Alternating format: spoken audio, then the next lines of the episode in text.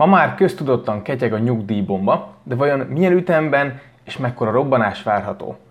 Sok helyen olvasni rémiszti cikkeket a nyugdíjunkkal kapcsolatosan. Néhány portál szándékosan eltúlozza a helyzetet, hogy könnyebben értékesítsen nyugdíjcélú megtakarításokat. De a pénzügyi tervezéshez fontos, hogy tisztán lássuk, mire számíthatunk. Ha szeretnél többet kihozni a nyugdíjadból, akkor a cikkben találsz egy videót is, amiben megosztok veled 7 tippet, hogy hogyan lehet több nyugdíjad. Ebben a részben pedig igyekszem összeszedni mindent, amit a magyar nyugdíjrendszerről tudni érdemes, ehhez azonban először meg kell ismernünk, hogy miként is működik a nyugdíjrendszer, és miért. Azt gondolhatnánk, mi sem természetesebb annál, mint hogy az idősek megfelelő ellátást kapnak az államtól. Azonban ez valójában korán sem mindig volt természetes, és egy viszonylag új találmányról van szó. Pusztán a 20. század derekán kezdett elterjedni Európa szerte.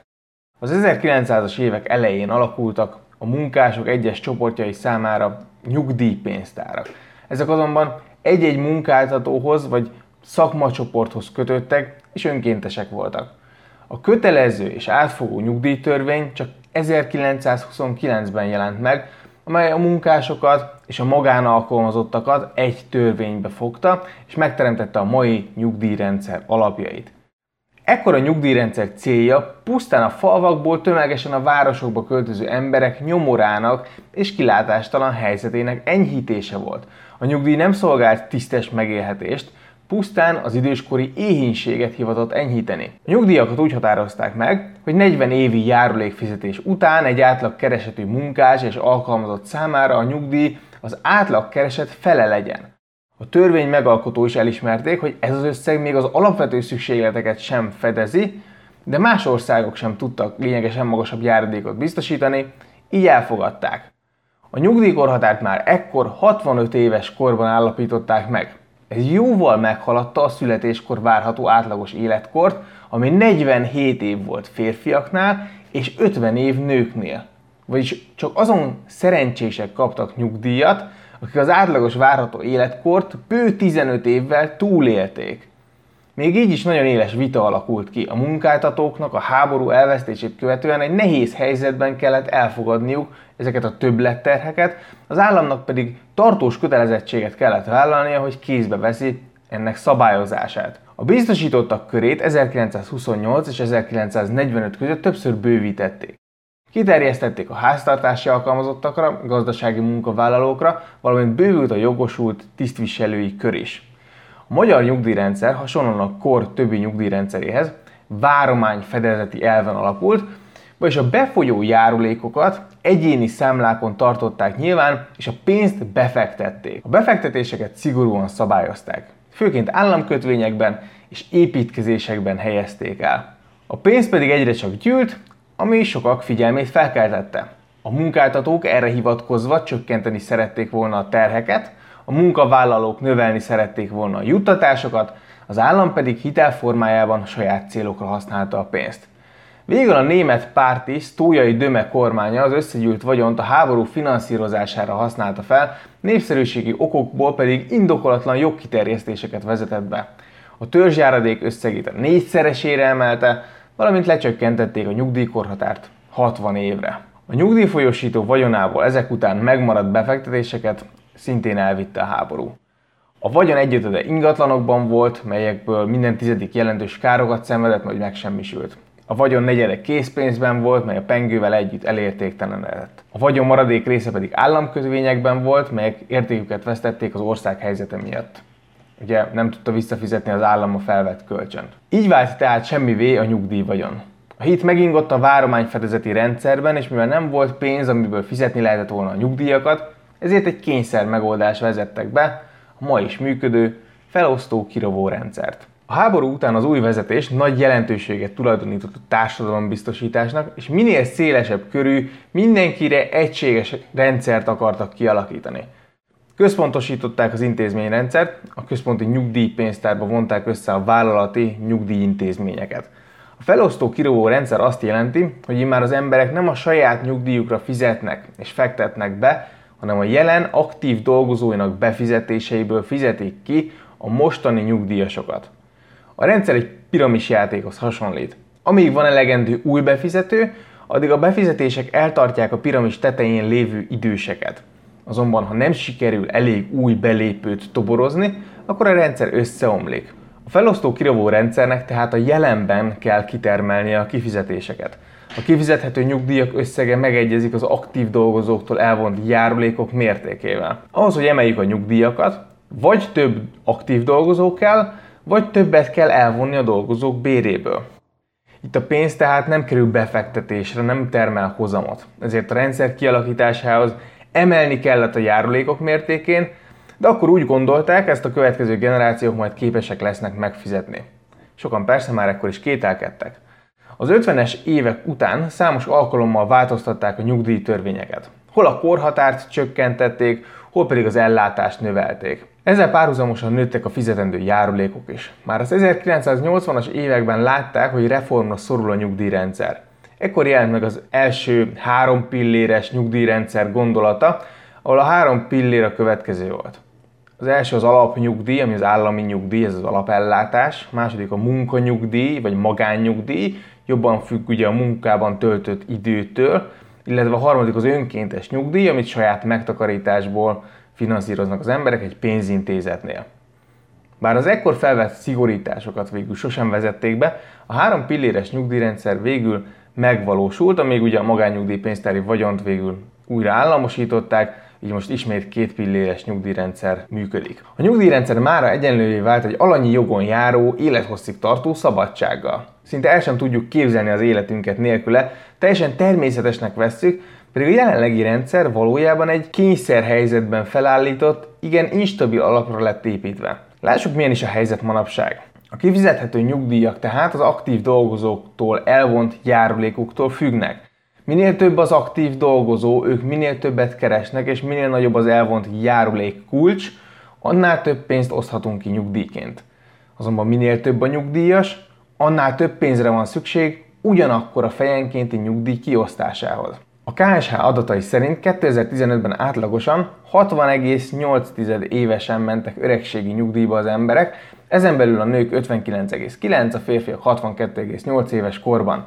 Ez jelentős növekedés az elmúlt 20 évet tekintve. A nyugdíjrendszer 1997-es reformját megelőző évben 1996-ban ez a szám nőknél még 54,3, a férfiaknál pedig 58,7 volt. Míg azonban a nyugdíjrendszer megalkotásakor alig élték meg az emberek a nyugdíjaskort, ma már a korhatár jóval a várható átlagéletkor alatt helyezkedik el. A várható élettartam nők esetében 79 év, férfiak esetén 72,4 év. Azonban ennél is fontosabb, hogy akik megélik a nyugdíjkorhatárt, valószínűleg ennél tovább élnek. Egy 2015-ös kutatás jövedelmi kvintilisek szerint vizsgálta a várható élettartamot 65 éves korban. Ez azt mutatja, hogy különböző jövedelmi kategóriák szerint mennyi ideig élnek még az emberek 65 éves koruk után. A nők a legalacsonyabb jövedelmi ötödben 18,2 évig, míg a legmagasabban átlagosan 20,4 évig. A férfiak a legalacsonyabban 13,4 évig, a legmagasabban pedig 17,4 évig. Minél többet keres valaki, annál valószínűbb, hogy tovább él. De a lényeg, hogy mivel átlagosan kb. 61 évesen megyünk nyugdíjba, egy átlagos nyugdíjas körülbelül 21 évet tölt még nyugdíjban. Ez alatt az idő alatt az aktív dolgozók tartják el. Jelenleg Magyarországon az OECD szerint az utolsó nettó fizetés átlagosan 89,6%-át kapják meg a nyugdíjasok, ami világszinten is igen nagy lelkű. 2017-ben a teljes magyar lakosság 26,6%-a részesült nyugellátásban, vagy valamilyen járandóságban, vagyis mintegy 2,6 millió ember. Őket tartja el a 4,4 millió foglalkoztatott, akik közül 303 ezer minimálbért, 876 ezer pedig a garantált bérminimumot kapja.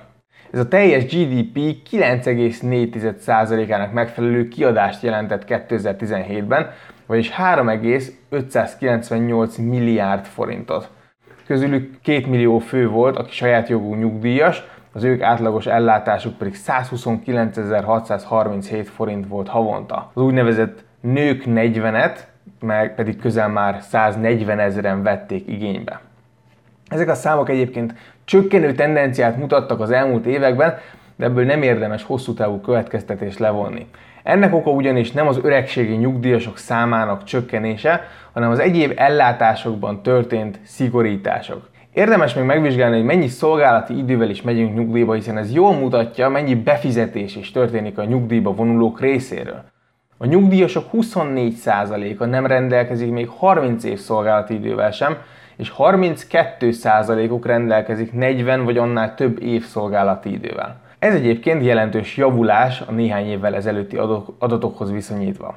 A magyar költségvetés egyébként stabil, de a bevétel igen magas arányát, mint egy 17,8%-át viszik el a nyugdíjak. A cikkben a 2018-as költségvetést egy interaktív dobozban meg tudod nézni konkrétan a bevételeket, a kiadásokat, és azok, hogy pontosan mire mentek el. A fizetett adók egyébként Magyarországon inkább magasnak mondhatók. A GDP 44,5%-át teszi ki az államháztartás bevétele a KSH adattáblája szerint. Az OECD 2017-es összesítése alapján egy átlagos két gyermekes háztartás adóterhe országonként vizsgálva azt mutatja, hogy Magyarország inkább a magas adózási kategóriába esik, nem kiemelkedően vagy radikálisan magas, de összességében egy kicsit magasabb az átlagnál. Ahogy korábban írtam, a nyugdíjkifizetések erősen függnek a társadalom korösszetételétől. Minél több az aktív dolgozó, és ők minél többet keresnek, annál könnyebb fenntartani a rendszert. Ahogy azonban a társadalom öregszik, az aktív dolgozókból nyugdíjasok lesznek, és ez a probléma veszélyt jelent a modern társadalmakra, ez ugye bár a demográfiai válság. Na de nézzük, hogy mi várható a jövőben nyugdíjügyben. A rendszer fenntartható lenne, ha olyan ütemben állnának be a fiatalok dolgozni, ahogy az idősek nyugdíjba mennek.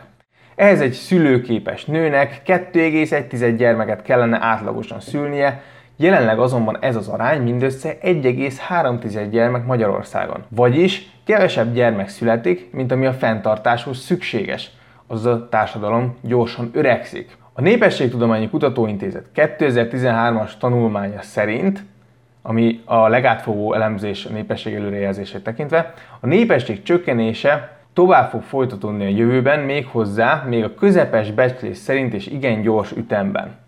A másik dolog, ami nagy szerepet játszik a nyugdíjasok arányának növekedésében, az a várható élettartam növekedése. A 2001 és 2017-es időszak alatt a várható élettartam 3,3 évvel lett hosszabb, ami évente két tized évet jelent, vagyis 10 évente plusz két évet átlagosan. Magyarországon a 65 éves és ennél idősebb népesség aránya 1990 és 2014 között 13%-ról 18%-ra növekedett, és az előrejelzések szerint 2060-ra eléri a 29%-ot.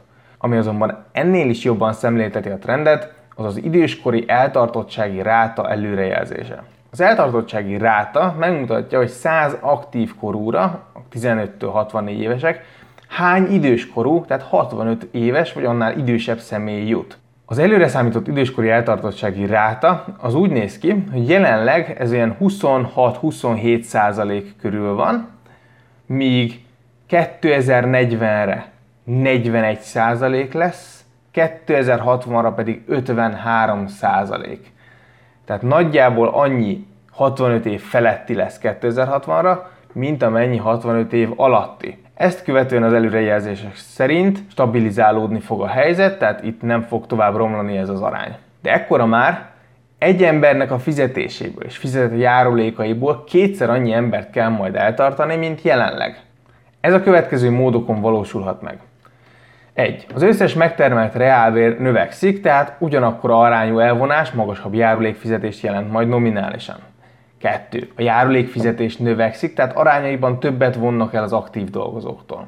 3. Csökkennek a nyugdíjak, tehát ugyanannyi pénzből mindenki kevesebbet kap. 4. Emelkedik a nyugdíjkorhatár, tehát kevesebb lesz az idős, és több az aktív dolgozó. Illetve ezeknek bármilyen arányú kombinációja.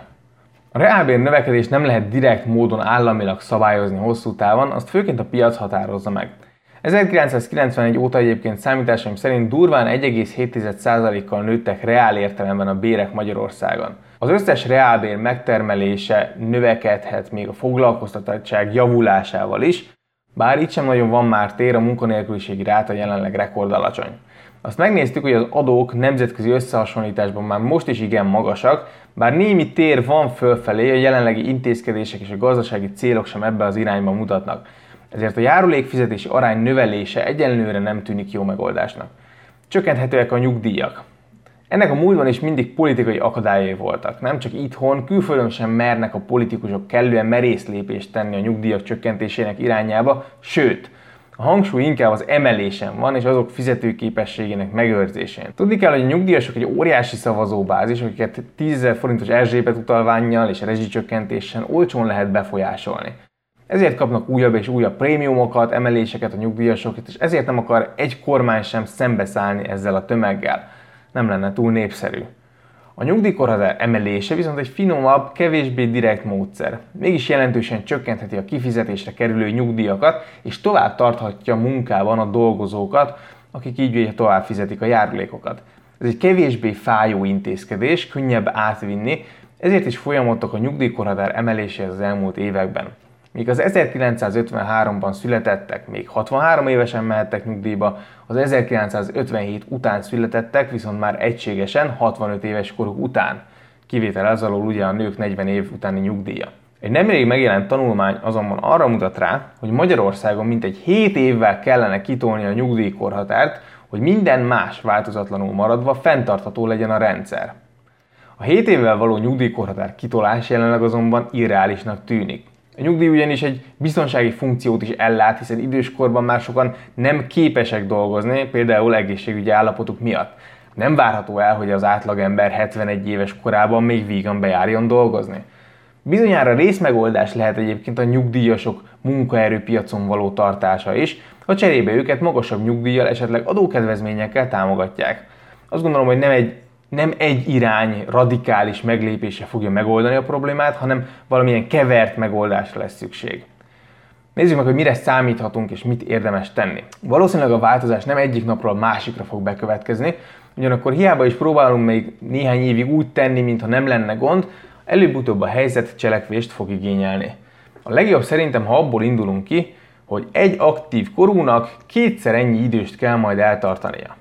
Ha nem reménykedünk nagy változásokban, akkor mondhatjuk, hogy nagyjából ez a nyugdíjak 50%-os csökkenését jelenteni. Ugyanakkor a reálbérek várhatóan növekedni fognak, megjelennek majd az időseket célzó munkaprogramok és egyéb intézkedések, amik tompíthatják ezt a hatást. Számolhatunk a nyugdíjkorhatár kitolódásával is. Számos ország már 65 évnél magasabb korhatárt állapít meg. Izrael például 68 évet, Görögország 67-et, Hollandia 66-ot, és így tovább.